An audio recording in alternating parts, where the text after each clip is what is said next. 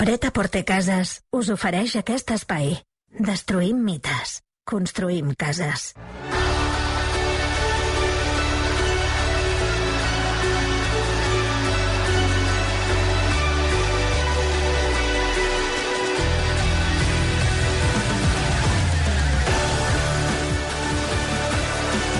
Són les 5 de la tarda, 11 minuts. Eh, per començar, avui amb el professor i catedràtic Xavier Sala i Martín abordarem eh, i parlarem de les noves hipoteques, eh, dir, de les noves, de les noves quotes de les hipoteques, perquè han arribat al preu més car en els darrers 8 anys. I l'escalada de l'Euribor podria incrementar-se encara més els pròxims mesos si continuen pujant els tipus d'interès, tot i que alguns, algunes veus apunten que l'Euribor hauria pogut arribar al seu topall.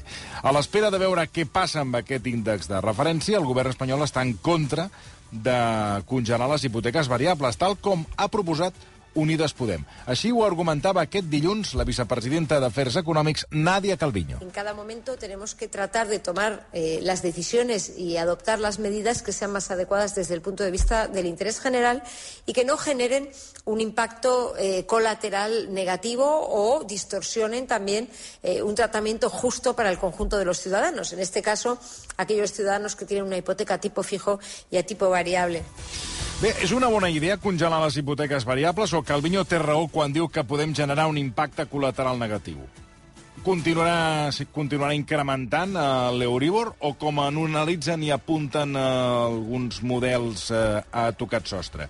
D'aquestes i d'altres coses, com de Javier Tebas i del Fair Play financer, en parlem els propers minuts amb Xavier Salé Martín, catedràtic d'Economia de la Universitat de Colúmbia. Professor, molt bona tarda. Hola, molt bona tarda. I gràcies per acompanyar-nos. Um, tenint en compte que les hipoteques variables s'han encarit 250 euros al mes de mitjana, aquesta proposta de Unides Podem de congelar l'Euribor, de congelar l'increment d'aquestes hipoteques, la troba que és una bona idea? O tal com diu Nadia Calviño, eh, és una proposta, diguéssim, que, que no va enlloc? A veure, jo crec que és una cosa perillosa per, però inútil, diguem. Primera, perillosa, és veritat, com diu la ministra, que, la, que posar diguem, eh, topalls ara, no? O sigui, quan la gent va demanar, eh, en els anys passats han estat demanant hipoteques, alguns han demanat pics, uns altres han demanat variable, tothom ha decidit el que millor li anava bé, els que han estat pagant pics han estat pagant més que els de variable, perquè els de variable aprofitaven que els tipus eren gairebé zero, que han estat gairebé zero durant molts anys, i, i per tant, els, diguem, han, han, han estat beneficiats per, per aquests tipus eh, gairebé zero, no? Uh, doncs clar, ara que pugen, doncs ara dius, no, ara que no, ara no, posem un topall, uh, els altres, els que tenen fixa, doncs que, diguem, que segueixin pagant el que pagaven fins ara, és a dir, uh, que segueixin pagant més, però en canvi els que tenien variable doncs els protegim. No té cap sentit protegir uns ciutadans i no uns altres, tampoc té cap sentit uh, incidir eh, amb, uns, diguem, amb un mercat en, en aquests moments, distorsionar-lo, i de totes maneres és, és possible que fins i tot la Unió Europea no ho permeti, però el que és més eh, important és que hi ha una branca de l'economia que es diu incidència fiscal que alguns ministres eh, de Podemos haurien d'estudiar. I és, és una branca de l'economia que estudia qui paga les coses i, diguem, i qui no paga les coses eh, diguem, el que, qui paga els impostos, eh, qui rep els subsidis, eh, no és ben bé qui decideix el ministre. Eh, el ministre no pot dictar els preus de l'economia perquè l'economia s'ajusta i al final acaben passant coses que els ministres no tenien previst. De fet, tot això, tot això ho vam veure, una, una, diguem, l'exemple paradigmàtic d'aquesta branca de l'economia, la vam veure fa uns mesos, i l'hem discutit en aquest programa algunes vegades, quan el govern, recordeu, va posar un subsidi de 20 cèntims uh -huh. a, a la benzina. Eh? -huh. La teoria era que es agafaven els diners dels contribuents i s'ajudava els ciutadans, eh, en aquest cas els ciutadans conductors, eh, que posaven benzina en els seus automòbils, i per tant eren uns diners que anaven dels contribuents en els, en els conductors. Oi que sí? El, diguem, si això era una cosa intel·ligent o no, eh, també estava per veure, eh? perquè diguem, no tenia massa sentit que la pobra senyora que no té cotxe i que viu al Pirineu li hagi de pagar uh, un subsidi, que, i, i aquesta senyora del Pirineu que paga impostos, li ha de pagar, ha de pagar hagi de pagar un subsidi en el que viu a Barcelona i es passa el dia a la ronda. Uh, però, bueno, deixant davant de la justícia d'allò, tots vam veure que el que deia la llei no és el que va passar. Eh? Si la benzina valia 80, què va passar? Doncs que en lloc de que el ciutadà que tenia cotxe, eh, en lloc de pagar 80 cèntims, pagués 60 cèntims, és a dir, que se li baixés eh, en 20 cèntims segons el subsidi, el que va passar és que les benzineres van pujar la benzina de 80 a 1 euro i, diguem, es van quedar ells el subsidi. El ciutadà va seguir pagant 80, el conductor no va treure cap benefici, tots els calés dels contribuents, de la senyora del Pirineu que va pagar els impostos, resulta que se'l van quedar les benzineres. Eh? El que diu el ministre, que és que els diners se l'han de quedar els que condueixen, no va passar. Eh? Els mercats reajusten els preus i el que diu el ministre, diguem, es esfuma perquè eh, els mercats diuen que passarà una altra cosa. Doncs aquí passarà una cosa similar.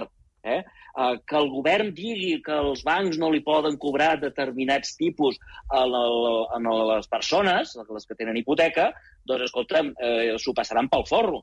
Tots sabem que hi ha altres maneres de cobrar, hi haurà comissions, posaran altres tipus d'instruments que faran que al final els bancs cobraran el que els doni la gana, eh, igual que va passar amb les benzineres. I això també tindria un efecte perniciós. Eh? L'efecte perniciós és que, si clar, si en els bancs no els hi deixes cobrar, si en els bancs els obligues a cobrar molt poc, quan els tipus d'interès estan baixos i, i que no guanyen molts diners, a l'hora que, diguem, que arriben les vaques grosses pels bancs, és a dir, quan els tipus d'interès són alts, no els deixes cobrar, què passarà? Que els bancs doncs, no donaran crèdits i els perjudicats seran la gent que vol comprar cases i no podrà, perquè els bancs li diran no, perquè és que no em surt a compte, perquè quan els tipus d'interès són zero jo t'haig de posar tipus d'interès molt baix, però quan sigui l'hora de pujar, escolta'm, el govern em caparà a mi, no em deixarà cobrar i, per tant, saps què? No dono crèdits i la gent que es podria comprar una casa no se la comprarà. Per tant, resumint, una mala idea que no, diguem, que no tindrà les, les conseqüències que desitgen els ministres de Podemos. El Banc Central Europeu, Christine Lagarde, ja va anunciar que tornarà a pujar els tipus d'interès al mes de març. Eh, quan es pugen els tipus d'interès, indefectiblement també puja l'Euribor o no té per què, professor? No té per què, però gairebé sempre passa. Eh? Tots els tipus d'interès estan lligats. Eh? A veure, estem parlant de dos tipus d'interès diferents, eh? Eh, o de tres tipus mm. d'interès diferents. Primer és el tipus d'interès que el Banc Central Europeu, el de la senyora Lagarde, eh, li cobra en els bancs. Eh? Els bancs mm, són com les famílies, eh? com les empreses, que també tenen mm, eh, dipòsits bancaris. El que passa que el seu banc no, no, no diguem, és el Banc Central. Eh? El Banc Sabadell, la Caixa, doncs els dipositen diners en el Banc Central i cobren uns tipus d'interès. El Sabadell i la Caixa també demanen crèdits a vegades. I a qui li demanen crèdits? Doncs en el Banc Central Europeu. I els tipus d'interès que, que el, el Banc Central Europeu els hi cobra és el, el tipus d'interès que controla la senyora Lagarde. Estem d'acord? Sí. Um, però els bancs no només presten eh, o demanen prestat en el Banc Central Europeu, no només presten i demanen prestat a empreses privades, sinó que també presten i demanen prestat a d'altres bancs. Eh? El tipus d'interès que els bancs, eh, en el qual els bancs es presten eh, eh interès, eh, es, es presten diners els uns als altres, aquest es diu Euribor.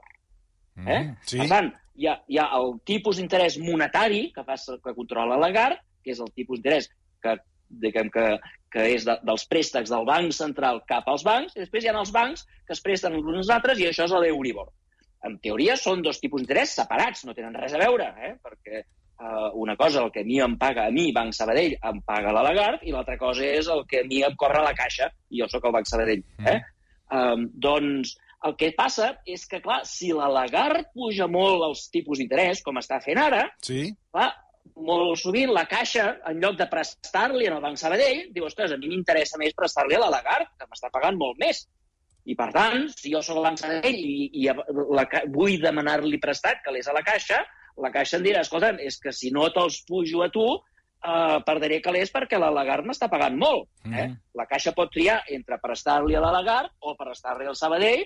Per tant, quan la Lagarde puja els seus tipus d'interès, què fa la Caixa? Doncs també li puja en el Banc Sabadell. I, per tant, encara que siguin dos tipus d'interès diferents, quan la Lagarde, quan el, el, el tipus d'interès monetari, el del Banc Central Europeu, puja, doncs automàticament, gairebé automàticament, la Caixa li puja també els tipus d'interès en els altres bancs. I, com hem dit, el tipus d'interès dels altres que, que, en els quals els bancs es presten els uns als altres és l'Euribor. I això sí que té conseqüències pels ciutadans normals, sobretot per aquests ciutadans que tenim hipoteques variables. Per què?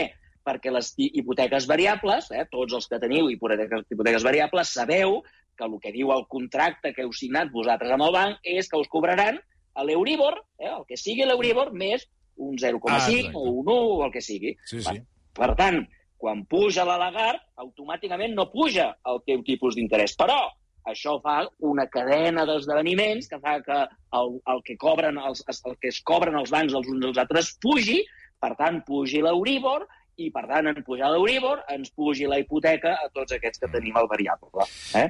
Per tant, són, són, són diferents, però tots van lligats, eh? tots una, una cadena. Quan puja un, tots acaben pujant.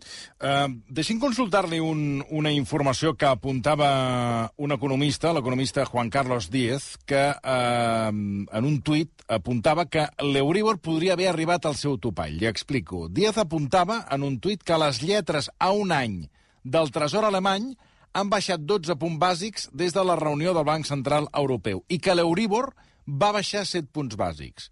Vostè sempre diu que no té una bola de vidre, que no fa previsions, eh, com, uh -huh. com en aquest cas apunta Juan Carles Díaz, però el fet que les lletres a un any del tresor alemany hagin baixat pot tenir alguna influència en el valor de l'Euribor? És a dir, aquesta baixada del, dels 7 punts bàsics és, és d'alguna manera traslladable eh, als, a les nostres properes revisions de l'Euribor? O, o no té per què? O no té res a veure?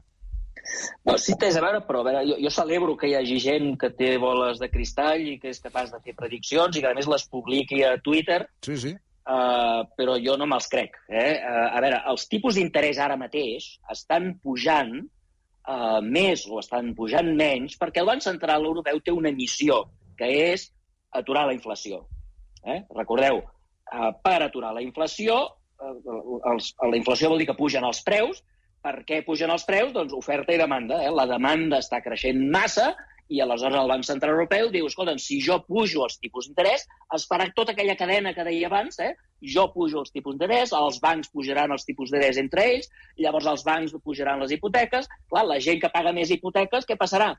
Que no comprarà carn i que no anirà al restaurant i que no comprarà altres coses i, per tant, baixarà la demanda i això farà que baixi la demanda i, per tant, deixin de pujar els preus. Aquesta és el que pensa la senyora Lagarde. Mm. Eh? Uh, I, per tant, la senyora Lagarde deixarà de fer això només quan vegi que els preus deixen de pujar. Mm -hmm. Llavors, jo no sé quines previsions d'inflació hi ha. El que sí sabem és que les, la inflació ha pujat, pujat, pujat molt i en els darrers dos o tres mesos sembla que s'està ja ralentint no, està baix, no, no, no és que els preus baixin, eh? és que està pujant més a poc a poc. És a dir, la inflació s'ha baixat, però els preus segueixen pujant. I això a la senyora Lagarde no li val.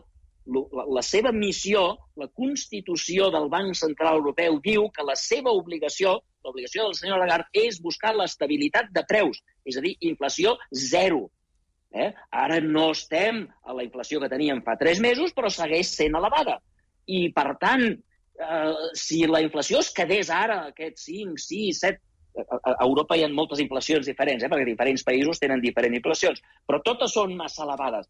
Si ens quedéssim en aquest nivell, la senyora Lagarde no estaria contenta i seguiria pujant tipus d'interès. I si ella segueix pujant tipus d'interès, l'Euribor seguirà pujant, digui el que digui el senyor Juan Carlos Díaz. Eh?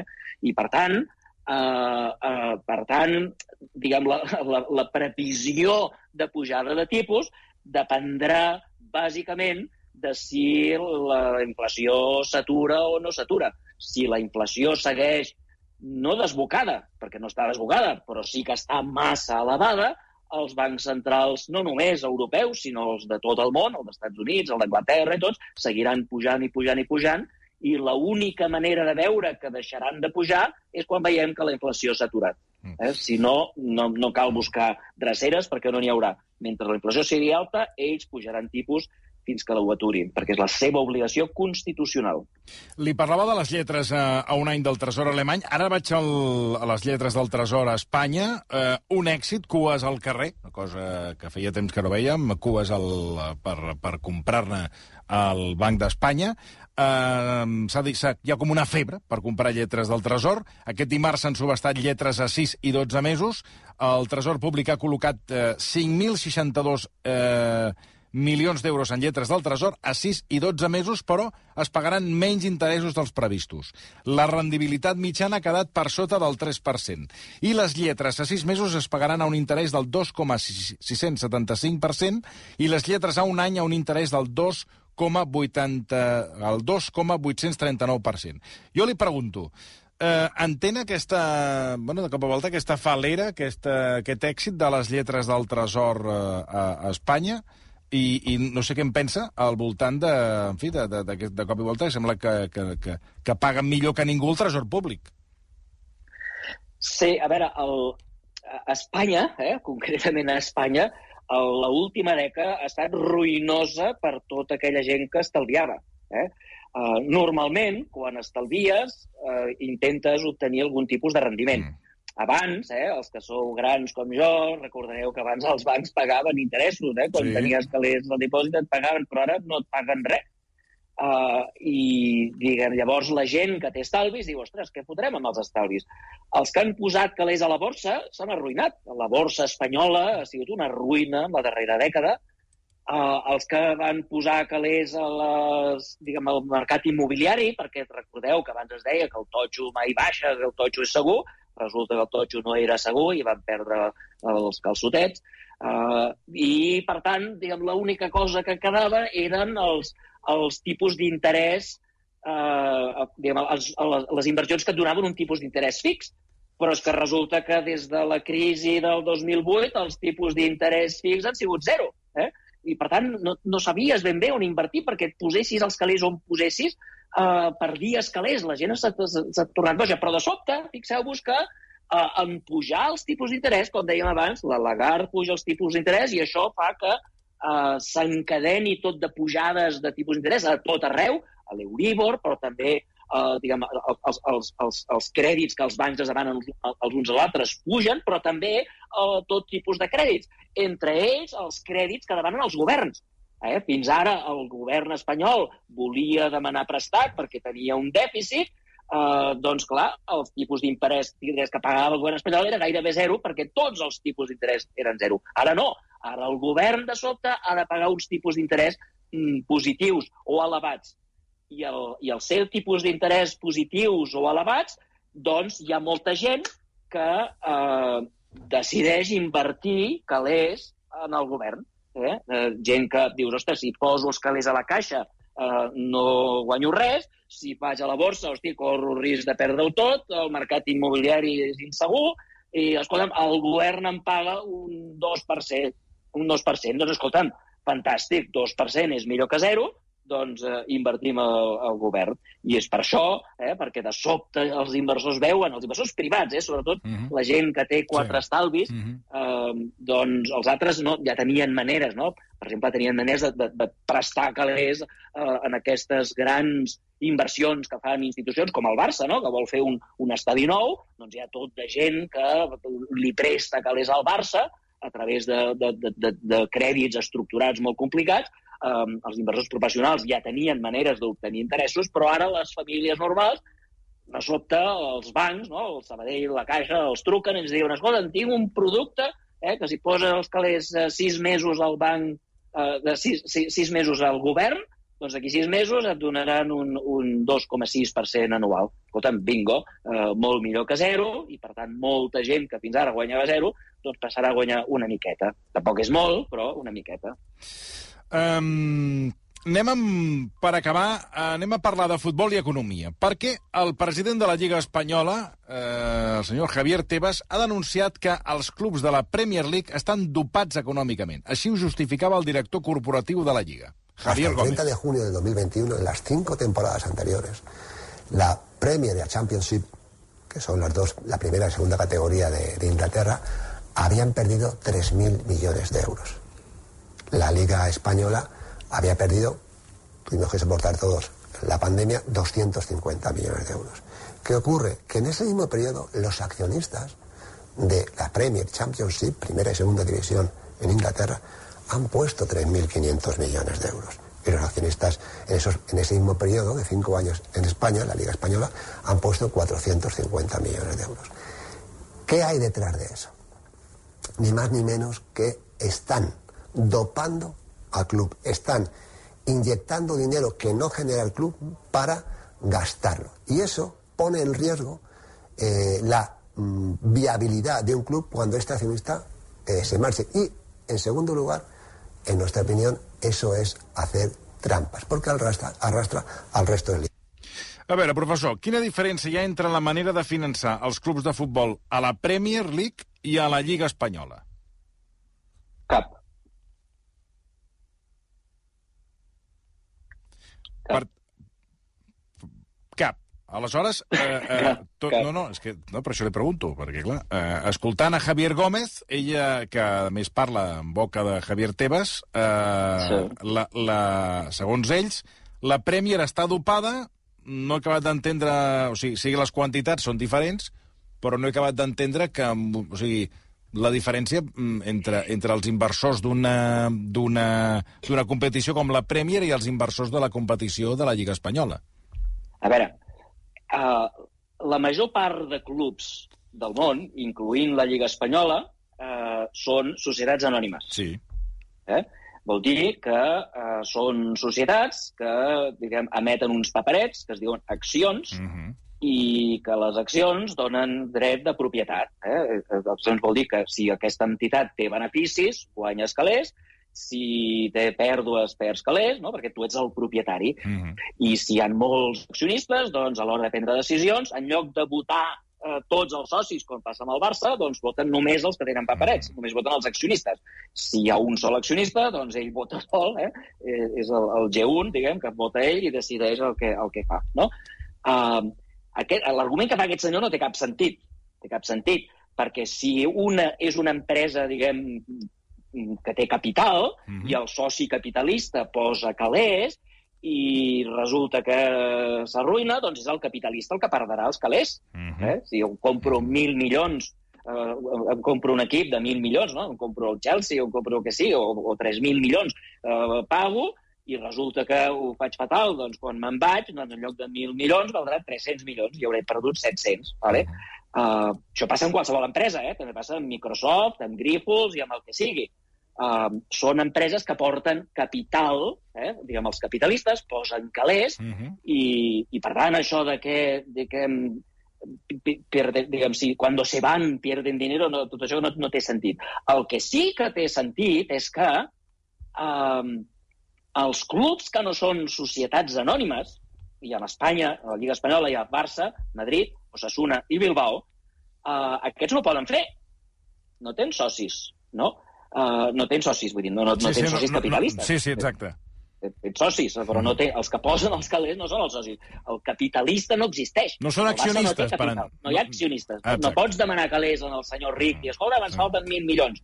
I aleshores, per evitar que passessin um, diguem, que hi haguessin injustícies, i això sí que té raó el senyor aquest, que no sé com es diu, el, Javier Gómez. Teva, el Gómez, el que és veritat que és injust que vinguin calés des de fora, eh? que vinguin calés des de fora, eh, perquè, clar, els que no poden posar calés des de fora estan perjudicats. I llavors es van, la UEFA va aprovar unes normes que es, de, que es diuen el Financial Fair Play, el Fair Play financer, que diu que només es poden gastar els calés que venen del propi negoci. És a dir, que si ve un senyor molt ric, molt ric, que ha guanyat molts calés en el petroli, i recordeu que el món del futbol és un món petitet comparat amb el petroli. Eh? Eh, si un club de futbol eh, té uns ingressos de mil milions, màxim, mil milions. Mil milions és, diguem, tres o quatre hores de producció d'una empresa petroliera. Eh? Les empreses petrolieres, les grans empreses mundials, són enormes comparat amb els equips de futbol, que són petitets. I, per tant, hi ha molts senyors rics, eh? diguem, com l'Abramovic eh, rus, com l'emir de Qatar, com l'emir d'Abu Dhabi, eh? aquests ricatxos, que no els hi ve d'aquí, que guanyen centenars de milers de milions i que, per tant, gastar-se mil milions en un equipet és com el canvi del cap de setmana quan te'n vas a esquiar, eh?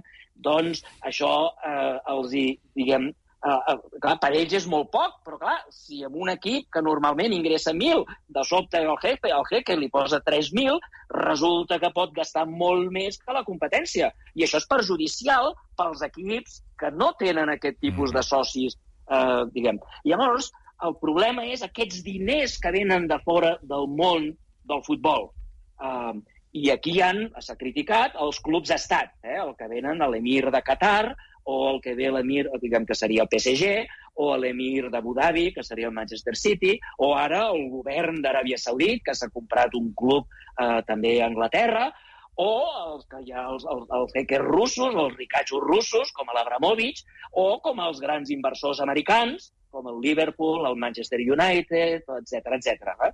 Tot això són calés que venen de fora al futbol i que seria injust, és injust que vinguin calés de fora per finançar eh, equips, perquè hi ha equips que, com que no tenen socis de fora, no ho poden fer, o, diguem, eh, sí que ho poden fer.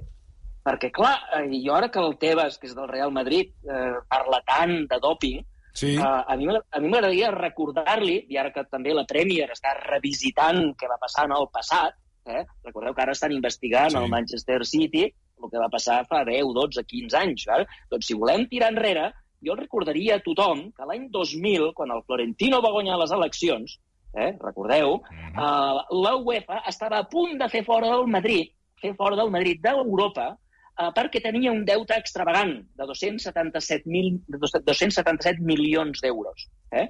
Um, què va fer el Real Madrid? Doncs es va vendre tots els terrenys que hi havia al voltant del Bernabéu, on ara hi ha quatre grans torres enormes, a canvi de 500 milions.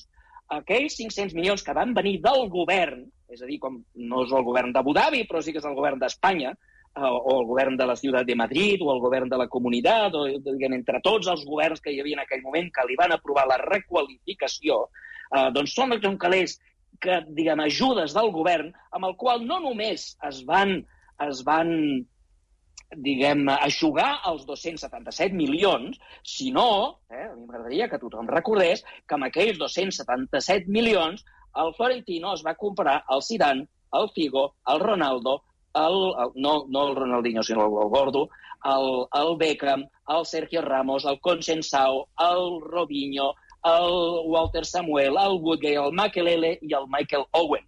Eh? És a dir, uh, si el senyor aquest està tan preocupat per, la, per el doping i tant li agrada criticar a les, a les, a les lligues estrangeres, a les quals ells no, no, no, diguem, no hi ha res, no, no té res a fotre, eh, doncs, eh, que, i, i aprofitant que els anglesos revisiten el passat, doncs revisitem també el doping de la Lliga Espanyola, eh, i, i, i llavors podem parlar, també podem parlar de doping. Ja sé que ell no hi era llavors, eh? però eh, diguem, eh, diguem, aprofitem que estem revisitant el passat per revisitar tot el passat i no només el passat de, dels altres. Eh? Eh, dit això, dit això, també m'agradaria que expliqués aquest senyor i al Tebas, que tant li agrada parlar i tant li agrada sortir tot arreu, que eh, expliqués per què la Lliga Espanyola Eh, recorda que, eh, diguem, si, si, no, si el que volem és que, que, els, que els equips de la Lliga Espanyola competeixin d'igual a igual amb els altres, mm. per què ell posa restriccions molt més grans de les que hi ha a Europa? La UEFA té una, una, unes regles del Financial Fair Play.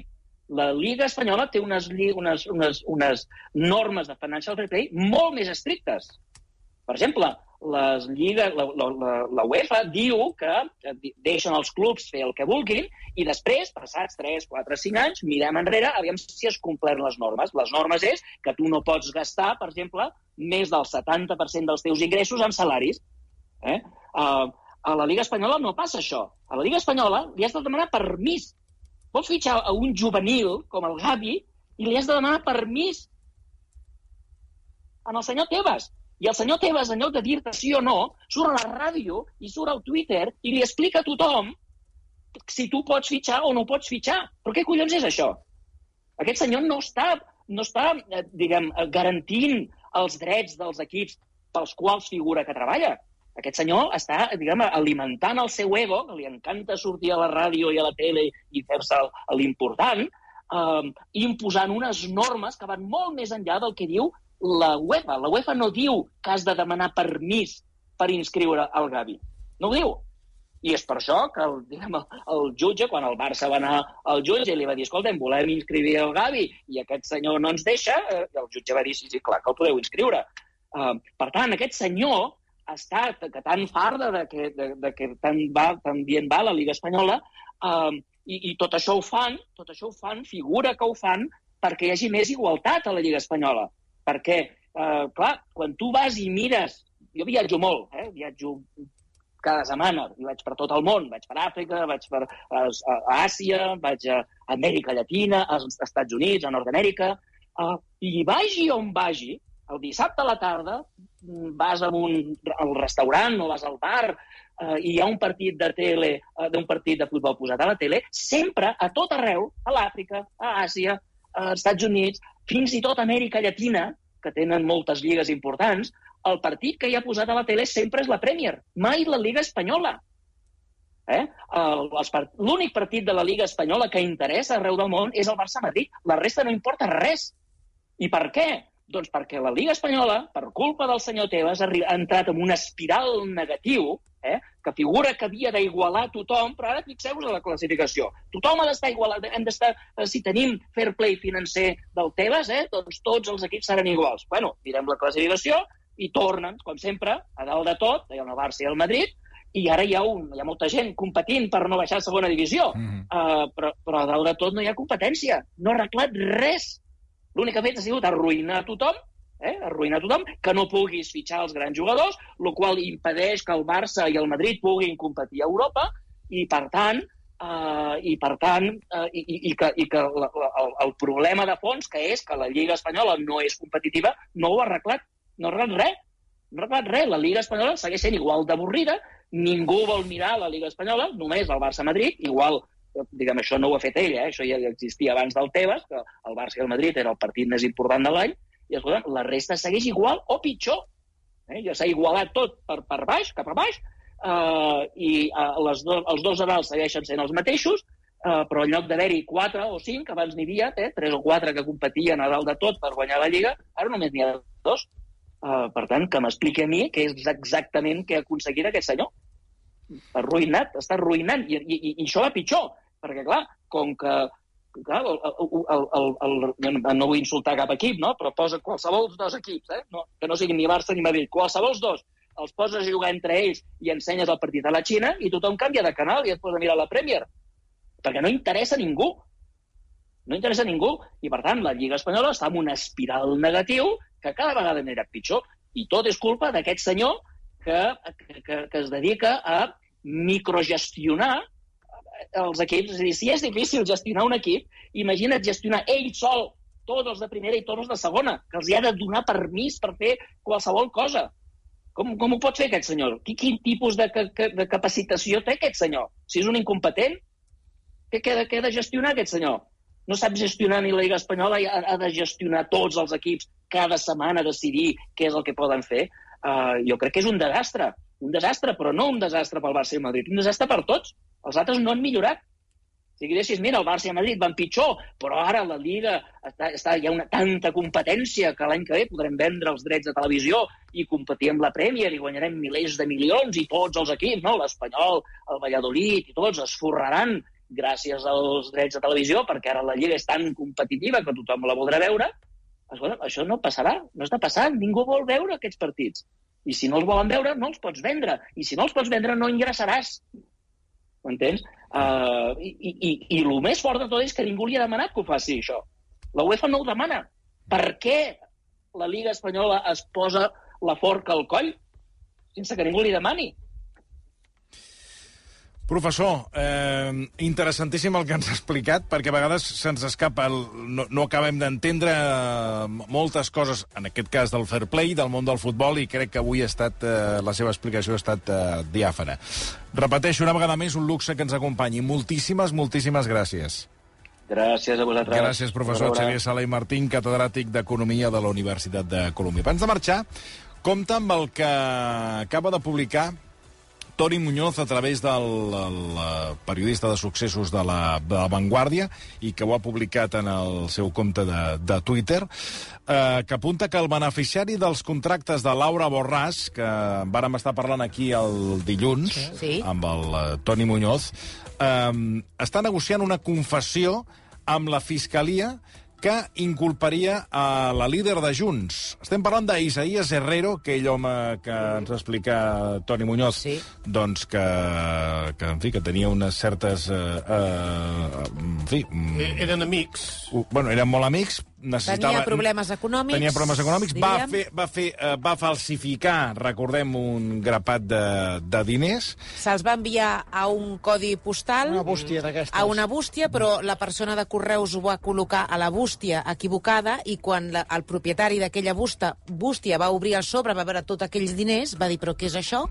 I va decidir informar-ne a la policia. Quan van comprovar que això anava per l'Isaïes, a partir d'aquí van començar a estirar del fil, va haver-hi eh, unes escoltes telefòniques i, segons ens va explicar ahir el Toni Muñoz, en una d'aquestes converses, ell deia, tinc uns trapis amb la Borràs. Doncs Isaías Herrero, acusat i adjudicatari dels contractes de l'Institut de Lletres Catalanes, ara busca un pacte per confessar el delicte i, en aquest cas, eh, evitar la presó. Compte, perquè això és eh, pràcticament tres dies, serà divendres, del judici a Laura Borras. Per tant, moviment d'última hora d'un dels eh, acusats amb tota aquesta trama. Dos minuts i tornem. Fins ara. Música sense discos. Cotxes sense benzina. Feines sense oficines. Cases sense totxos. Descobreix les cases de nova generació de Preta Porter Cases. Construïdes en només 4 mesos i amb preu tancat. Preta Porter Cases. Destruïm mites. Construïm cases. Versió RAC 1.